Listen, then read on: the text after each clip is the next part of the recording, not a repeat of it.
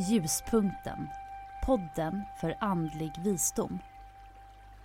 Följ med oss på en resa som spänner ända från universum hela vägen till ditt inre. Vi vill stilla din nyfikenhet inom det okulta och hoppas väcka nya intressanta frågor eller kanske nya insikter. Vågar du hänga med? För nu ger vi oss av. Mediet och den jungianska terapeuten Mariana Larsson Sjöberg, känd från tv-programmet Det Okända, gästar Ljuspunkten idag för att dela med sig av sin kunskap om att tyda drömmar. Idag tänkte jag att vi skulle prata lite grann om drömtydning. För du ty- tyder ju drömmar också. Ja, det gör jag. Och när och varför började du med det? Så det ingick ju lite i den här jungianska utbildningen.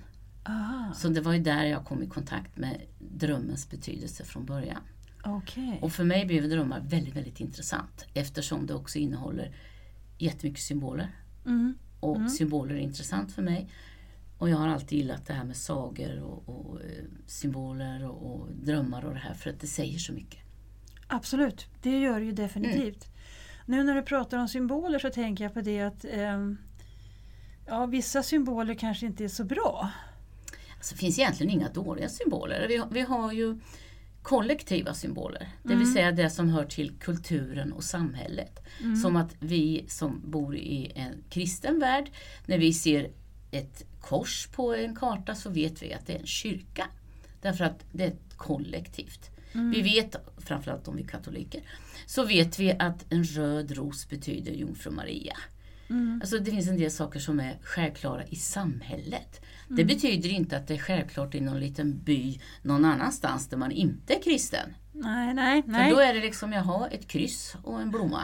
Ja, Det behöver inte betyda något. nej, exakt. Precis som vi egentligen inte reagerar så mycket på en halvmåne, vilket en ju muslim skulle göra. Absolut. Så att det handlar ju lite om, om den typen av symboler. Men dåliga symboler är det ju inte, utan det handlar ju om vad du har för förhållningssätt till symbolerna. För varje människa har ju egentligen ett eget symbollexikon. För det som betyder något jättebra för mig, åh, smällkaramell, betyder toppen för mig. Det kan vara traumatiskt och ångestladdat för dig. Och då har ju inte du fel när du säger nej, det var då inget bra. För det är det ju inte för dig. Medan jag säger wow, för det är det för mig. Exakt. Så det gäller att man lär känna sitt eget inre symbollexikon. Det kan ta en liten kvart, men man lär sig. Eh, Jag tror att det tar längre än en kvart om man Ja, ska vara riktigt 20 ärlig. minuter, okej. Ja, sådär. ja. För man kan ju också ha fått de här symbolerna inte bara från den kristna världen. Man kan ju ha fått symboler liksom från andra. Du kan få symboler varifrån som helst. Ja. Och egentligen är det ju så att allt är symbolik. Ja. Och när du ska lära dig, som jag också kanske hör lite till drömtydning så, men när du ska lära dig teckentolkning så handlar det ju om, också här, att du måste ha din eget register, din eget eh, kunnande, din egen eh, orddel, ditt eget lexikon. Absolut. Därför att om du ser när du kommer och går här och så är du jätteorolig för hur det ska gå nu hos tandläkaren. Vi tänker att du är rädd för tandläkaren. Och det här kommer att bli jättejobbigt. Och precis när du kommer och går här, nu singlar det ner en liten fjäder. Därför att en duva flög förbi. Den singlar ner här och den här människan som går förbi, det lägger inte märke till den. Men för dig när du ser den här tänker du, åh, det kommer gå bra. För det har en positiv Eh, Ja, verkan för dig. exakt. Ja. Så det handlar ju lite om vad du lägger för eh, tolkning i symbolen. Och med drömmar är det ju så att allt i drömmen, i princip, även om du tycker att det är en reell dröm, det här är en byrå. Det är liksom, ja det är en byrå, det ser ut som en byrå, det är uppenbarligen en byrå. Men det symboliserar ju ändå något om du drömmer om den. Exakt. Precis. Det kan symbolisera så här skitenkla grejer som att du har nu varit på IKEA och så tittar du på två byråer. Vilken ska du ta? Nu vart det svårt. Nu är det en Ja. redig människa. Du kan inte riktigt bestämma dig. Du går hem och sover på saken. Nu drömmer du om den ena byrån. Det är självklart att det är den du ska ta då, för då har du valt åt dig. Ja, precis. Men om du drömmer om en byrå, by the way, och du inte har varit i närheten av en möbelaffär, då behöver ju du fundera på, okej, nu drömde jag om en byrå. Vad associerar jag med byråer? Ja, men det är där man lägger grejer. Ja, och vad sparar man i den? Saker man liksom vill ha. ja. Och borde man rensa i sin byrå? Ja, det blir mycket skräp också. Ja. Ja. Då kanske vi ska tänka att byrån står för något inuti. Vi kanske skulle rensa lite i oss. Mm. Kasta bort sånt vi inte behöver. Exakt. Det är lite spännande. Ja, det blir väldigt mycket symbolik som du säger. Det är, det. drömmar är symbolik. Mm. Precis som när du tänker så här, jag kan inte förstå. Nu drömde jag i natt att jag var på torget med moster Inga. Hon har ju varit död i 30 år och vi hade ju ändå ingen direkt relation. Varför drömmer jag om henne? Vad är det för fel? Ja, då får man tänka, ja men moster Inga, hon är ju statist i din film här. Du har Ja. gett henne en roll. Hon symboliserar något hos dig. Vad har du eh, gemensamt? Vad tänker du på när du tänker på det här moster Inga? Jag tänker på att hon var en himla tjurig tant. Du, när du tänker på det, har du varit tjurig på sistone? Ja. Ja, igår var jag ju jätteirriterad på jobbet. Det var ju något fruktansvärt irriterad. Det var kanske lite fel, men jag var stressad och jag var jätteirriterad. Sen drömde jag om den här moster Inga på natten. Mm.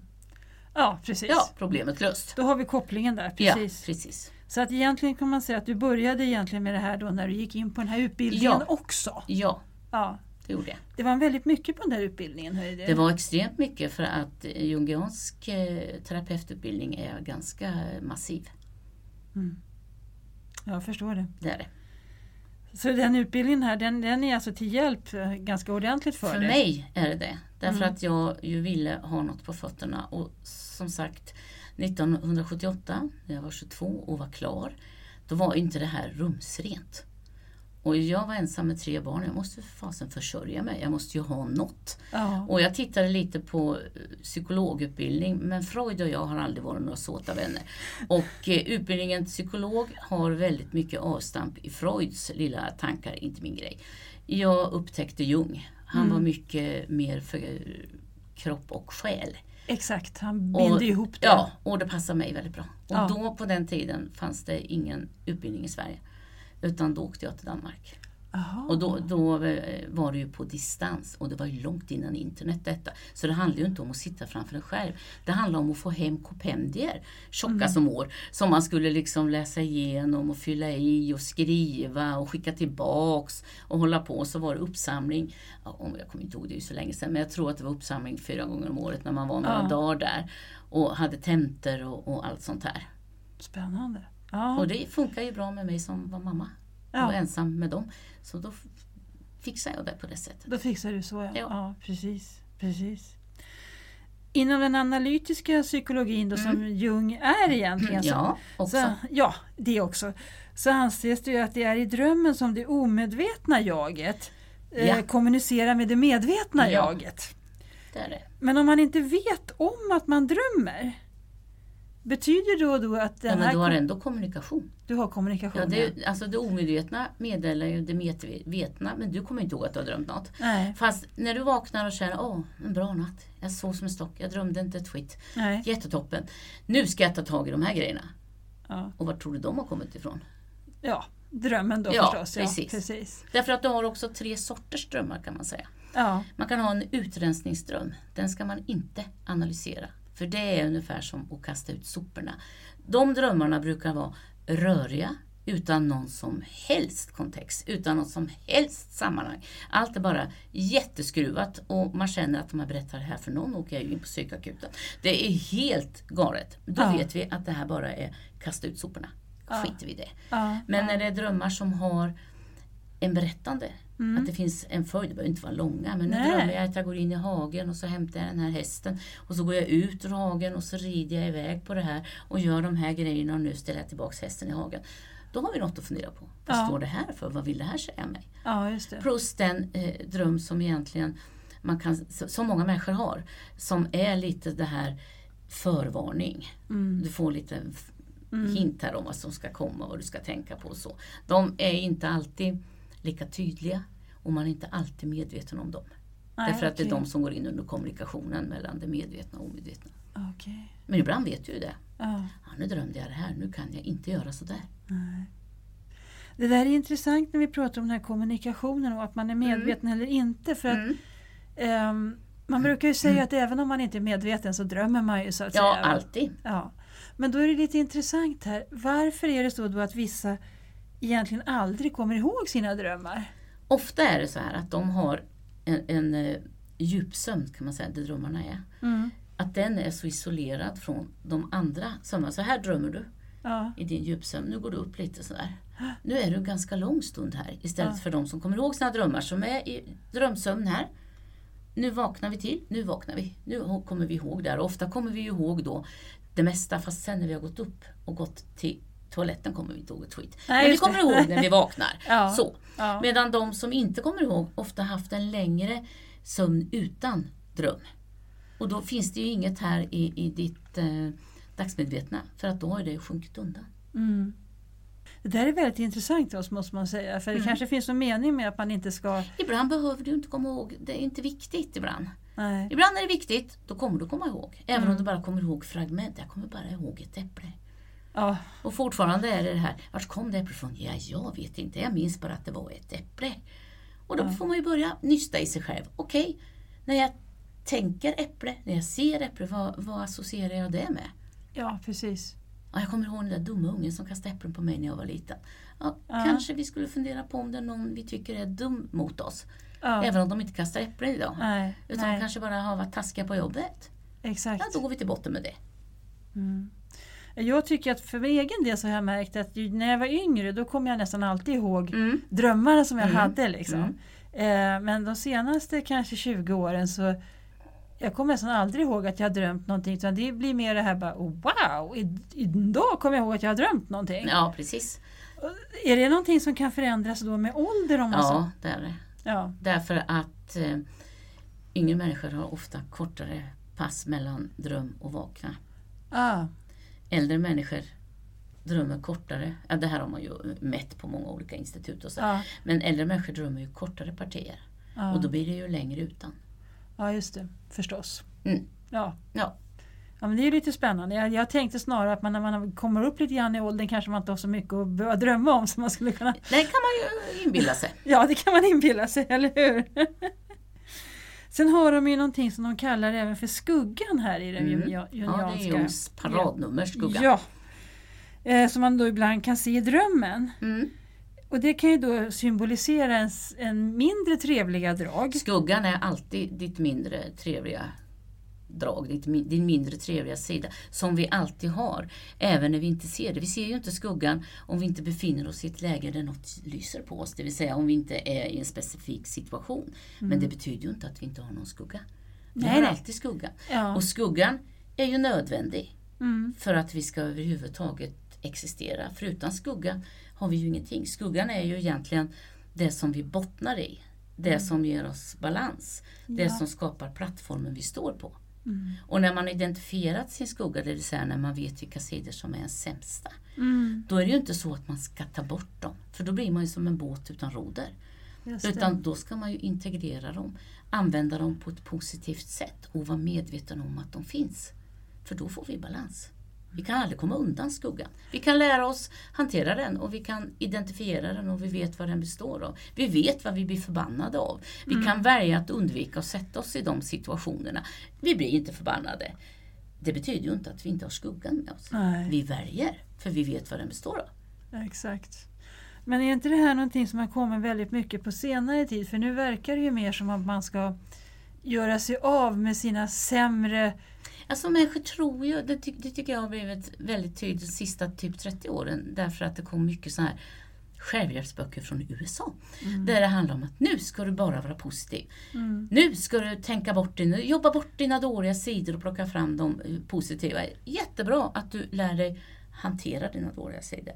Kanon att du kan dämpa dem så de inte tar över. Men du Exakt. kan ju inte ta bort dem. För det är ju som att ta bort balansen. Det är därför vi har yin och yang. Mm. Mörker, ljus. Vi kan inte ha det ena utan det andra. Nej, nej precis. För då blir det inget. Vi kan, vi kan ha bara mörker men det blir ju aldrig något ljus. Nej. Och vi kan ju ha bara ljus men det blir ju aldrig något mörker. Nej, Och hur ska vi då veta att det är ljus om vi inte har en kontrast? exakt. Så man måste ha båda och det man ska söka är inte att ta bort det. Det man ska söka är att få balans. Ja, det där pratar jag oftast om. Mm. Men skulle inte skuggan också ehm, kunna betyda någonting annat? Jag har funderat på det här, för när man drömmer, så, och i alla fall när jag var mindre, när jag var barn, så drömmer man ju ganska ofta då att man är rädd för någonting. Det kommer någon, någon gubbe och Mm. Skuggan jagar. står ju också för rädsla. Ja. Alltså i skuggan har du ju allt som du kan beteckna som, fast jag gillar inte ordet, men vi, vi använder det ändå. Vi betecknar det som det negativa. Ja. Våra rädslor, våra tillkortakommanden, det vi är dåliga på, våra sämre sidor. Ja. Rädslan ska vi alltid bekämpa. För rädsla är den absolut farligaste känslan man kan ha.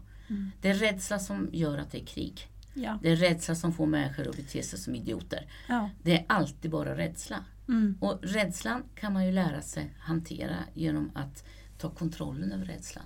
Det är du som ska ha kontroll över din rädsla. Ja. Det är inte rädslan som ska ha kontroll över dig. Nej. Och Nej, när du har precis. kontroll över rädslan så kan du ha nytta av den. För utan rädsla, det är ju precis lika idiotiskt som att bara ha rädsla. Exakt. Mm. För om, rädslan har ju fyllt en funktion.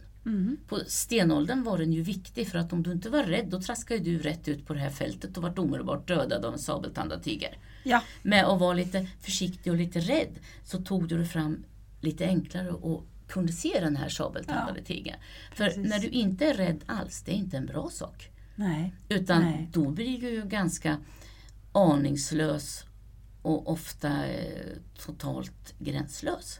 Ja. För att du får inget konsekvenstänk. Nej. Rädsla har ju bra sidor också. Absolut. Du lär dig vad som är farligt, vad du inte mår bra av, vad som inte är bra för dig. Det behöver inte vara för någon annan, men för dig är det här inte bra. Då är vi lite rädda för att hamna i den här sitsen, för det är inte bra. Nej. Och, och då är det inte fel, men det får inte ta över så att du inte vågar göra något. Nej. Det nej, är nej. som sagt du som ska ha kontroll över rädslan. Det är inte rädslan som ska ha dra- kontroll över dig. Och det där är ju svårt. Det kräver lite träning. Ja, Ja. det gör ju det. Men du, jag tänkte på det här med skuggan också. Kan det inte här, eftersom vi ändå då är är medium här, Mm. kan inte det här komma lite grann från tidigare liv också? Skuggan kan ju innehålla eh, det som man kan kalla också för eh, karmaläxor, det vi ska lära oss, det vi har Mm. råkat ut för. Och en del av, av de här rädslan, för det är återigen rädsla, Ja. kan vi ju tycka är irrationella. Det finns ingen anledning för mig att vara jätterädd för den här sortens djur till exempel, för det finns inte här. Nej. Varför skulle jag vara jätterädd för en anakonda? Jag har inte sett någon anakonda annat än på bild. Nej, ah, men precis. nu är jag jätterädd för dem. Det är ju lite ologiskt. Det är Okej, väldigt du kan vara ologiskt. rädd Mm. för huggorm för du har blivit biten. Men anakonda, det är ju inte någon större risk att du möter den i skogen. Nej. Och då kan man ju börja titta på, är det här någonting som hör till ett tidigare liv? Blev du dödad av en orm? Mm. Ja, det blev du. Ja, men då förstår vi den rädslan. Och i samma sekund du kan identifiera rädsla, det gäller ju sådana rädslor som är dagsfärska så att säga, eller från det här livet också. När du kan identifiera den så släpper den ju greppet. Exakt. Du kan inte vara rädd för något du känner till. Nej. Därför, det enda som kan besegra rädsla är kunskap. Exakt, så är det ju. Så är det ju. Det du vet kan du inte vara rädd för. Nej, nej. Eh, Min uppfattning är ju i alla fall att det är ganska många människor som faktiskt, eftersom vi är inne på ormar nu, Mm. som faktiskt är rädd för orm. Fastän då som vi säger, det finns egentligen inga anakondor i Sverige. Nej. Så då, då är- skulle man kunna säga att det troligtvis kan komma då från tidigare liv de det här. kan du göra, plus att det faktiskt är en eh, kollektiv rädsla som alla folkslag har. Det är det ja. Ja. För ormar, alltså, sen använde ju omedelbart, kristendomen tog ju fasta på det här och slängde in ormar i paradiset. Absolut. Så blev ju det en ond historia. Ja, Och så har ju det ärvts. exakt. Mm. i generationer. Men också för att du kan ha eh, varit i ett sammanhang där du har blivit dödad av det. Mm. Eller du tycker kanske det är fruktansvärt obehagligt med krokodiler. Du är inte särskilt förtjust i dem alls. Nej. Det är också en sån sak som du kan ha varit utsatt för. Och det skulle kunna bli som en skugga egentligen. Det Ja, här. det kan det. Därför Ja. att du kan sen, vi tänker oss, eh, vi tar det här exemplet med krokodil. Mm. Nu är du rädd för krokodiler. Nu vet du att det finns bara på djurparken, du behöver inte gå dit. Du går inte dit för att du är eh, nämligen rädd för krokodiler. Fast man kan inte gå runt och vara rädd för krokodiler när det inte finns några. Tänker hjärnan och det undermedvetna som är väldigt mycket för att vi ska försöka göra det här så logiskt som möjligt. Mm. Så då gör det här undermedvetna om krokodilen till, jag är rädd för det jag inte känner till. Och nu vill jag faktiskt inte göra någonting nytt. Jag, nej, jag vill inte prova det där för det har jag aldrig gjort och jag tycker det är obehagligt och jag är faktiskt rädd för sånt jag inte känner till.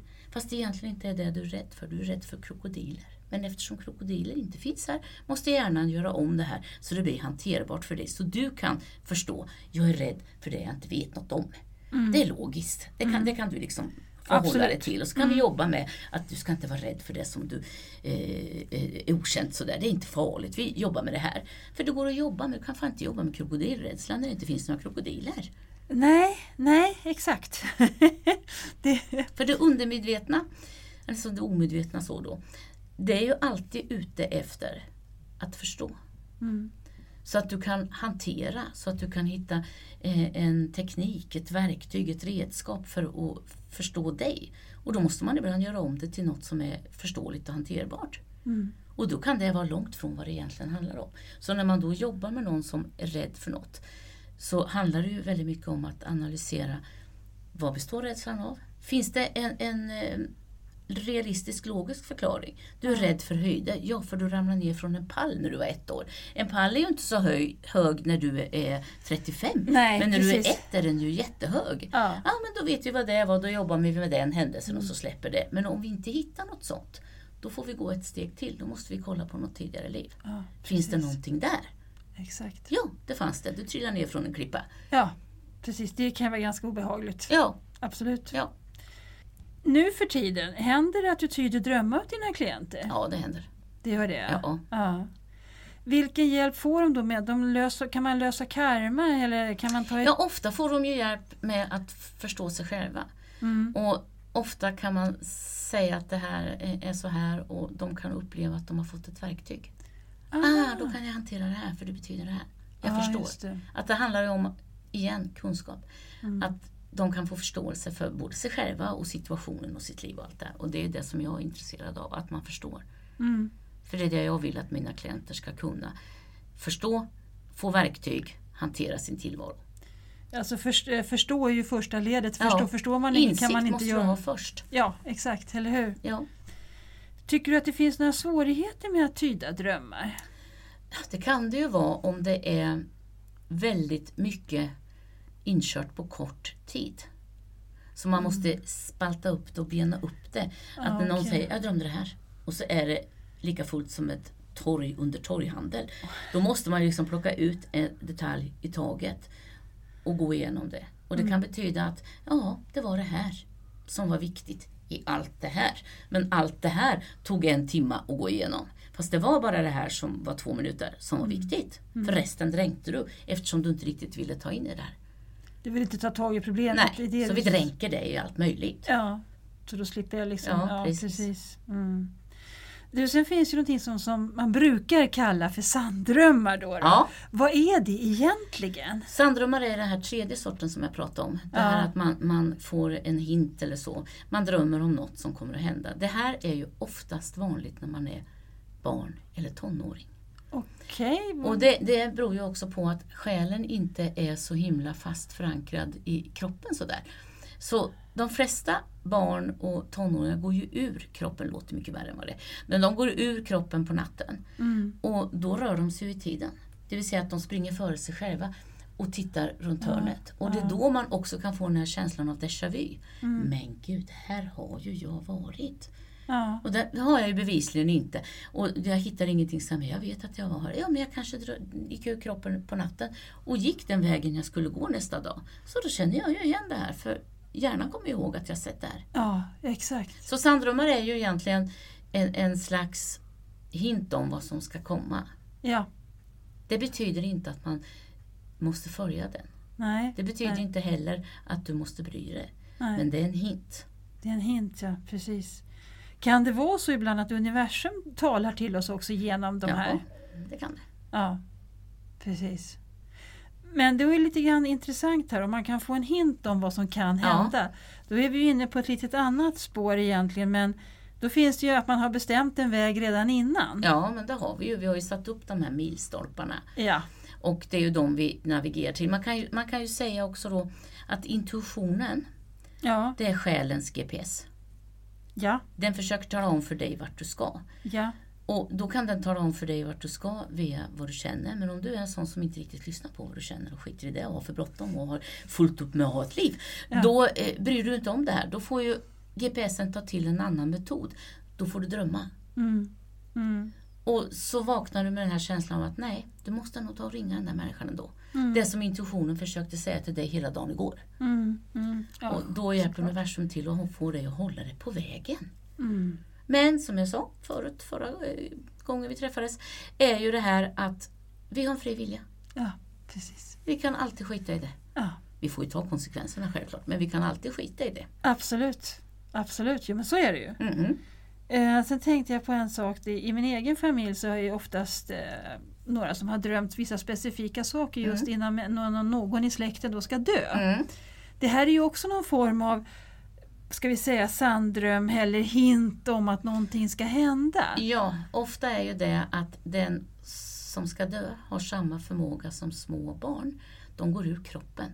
De ligger ju inte kvar i sin döende kropp 24-7 och väntar på att få falla ifrån. Utan de går ju ofta ur. Och det händer ju att flera människor i, i samma familj eller släkt eller så drömmer om farmor som ska dö snart eller känner att nej, hon har nog inte långt kvar. Därför att själarna möts. Och så passar den här Jaha. själen på att säga bye bye. Okej. Och så går den tillbaks till kroppen och så vaknar den här människan och säger Nej, hon kommer att dö nu. Ja, Nu kommer hon att dö. precis. Och så kanske den här säger till andra Jag drömde att hon höll på att dö, nu måste vi åka dit. Ja, Och så kommer man dit och så tar hon sitt sista andetag. ja precis. Ungefär så. Men det här är ju ett sätt att drömma om det. Vad jag vet i min familj så var det en som envisades med att drömma om tre vita möss Mm, varje gång. mm. Varje gång? Det är den symbolen. Det är den Det symbolen? är den människans symbol. Ja. Vi har ju olika eh, symboler ja, som, eh, som betyder något för oss. ja, Om du drömmer om tre vita möss och inte har den här symbolen så drömmer du om tre vita möss och har ingen jädra aning om vad det kan handla om. ja. Och så nej. börjar du tänka, kanske handlar om att jag borde täta lite springor så det inte kommer in möss. Ja, kanske det gör. Ja, då Ja. kan du göra det. Men om det här är symbolen som den här människan kopplar ihop med förestående död, då Mm. är det ju det det handlar om för den. Det är det det handlar om för den. Och det är lite intressant för just den här personen som hade de här drömmarna var ju egentligen livrädd för möss. Ja, och då står ju det för någonting obehagligt, någonting sorgligt, någonting Ja. otäckt. Ja, Som ju man kan uppfatta att döden är. ja precis. Mm. Ja, det är lite spännande faktiskt man ser det här. Ja. Sen har vi en fråga så, som jag själv har funderat på men som jag också har fått hört lite från vissa klienter lite då och Mm. då. Alltså när man är barn så drömmer man ju ofta att man är jagade. Ja. Att man är jagad av en elak typ Mm, som ska hinna ifatt en och sådär då. då. Eh, de brukar ju avta ju äldre vi blir. ja. Så varifrån kommer egentligen den här drömmen att man ska vara jagad? För jag menar om man har en hyfsat normal uppväxt så kanske man inte är jagad när man är tre år Eh, direkt. nej, fast vad du egentligen drömmer att du är jagad för när du är liten, det är ju att du inte har någon kontroll. Du kan inte bestämma något. Du kan känna att du är utlämnad till någon annans vilja, vilket du ju är.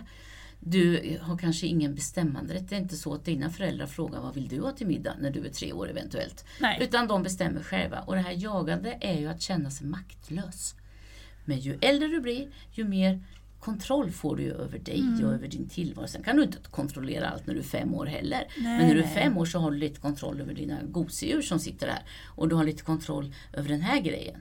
Och du kan säga att du vill ha pannkaka. Exakt. Och de här drömmarna avtar därför att du får mer kontroll. Okej. Du är inte ju lika lite spännande. maktlös. Det handlar ju om maktlöshet här när man är jagad. Mm. Mm, jo men absolut, det är ju det det handlar om. Mm. Eh, och jag har ju en dröm här som, som jag har, har fått berättad för mig och det var just det att de var jagade i ett landskap som liksom var du vet, helt kalt, det var så här riktigt så här spöklandskap. Mm. Torra g- träd som står uppställda, finns Ja. inga löv och ingenting sånt där. Och så var det ju då någon stor svart gubbe ungefär som, som jag är. Då. Mm. Eh, det är ju faktiskt en ganska intressant dröm här. För Ja, de, för- de sätter ihop flera komponenter nu. Ja, alltså gubben i det här sammanhanget är ju maktlösheten. Ja, Den är stor, Självklart. den är svart, den är otäck. Mm. Landskapet visar ju att det finns inget där jag kan få tag i någon, någon eh, kontroll. Det finns inget som hjälper mig. Jag är utlämnad till maktlösheten. Ah.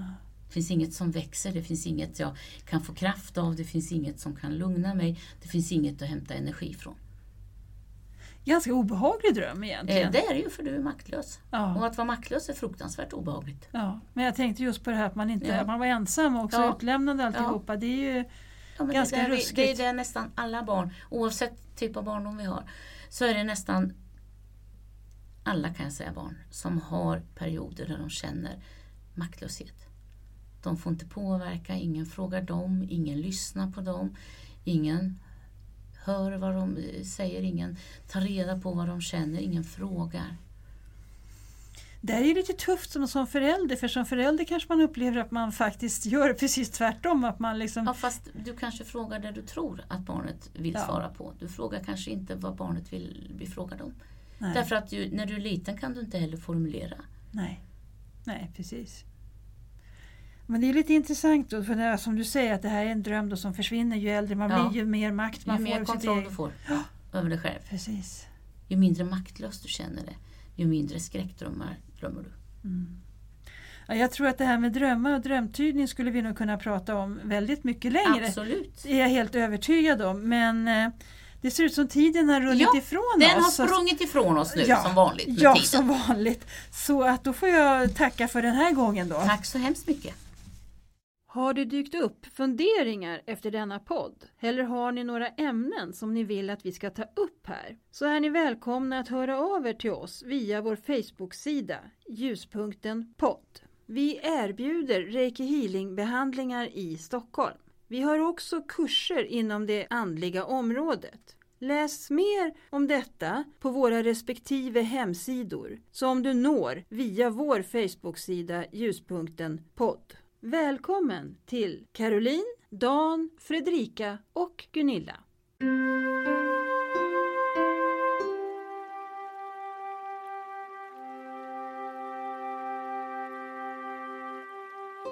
Ljuspunkten. Podden för andlig visdom.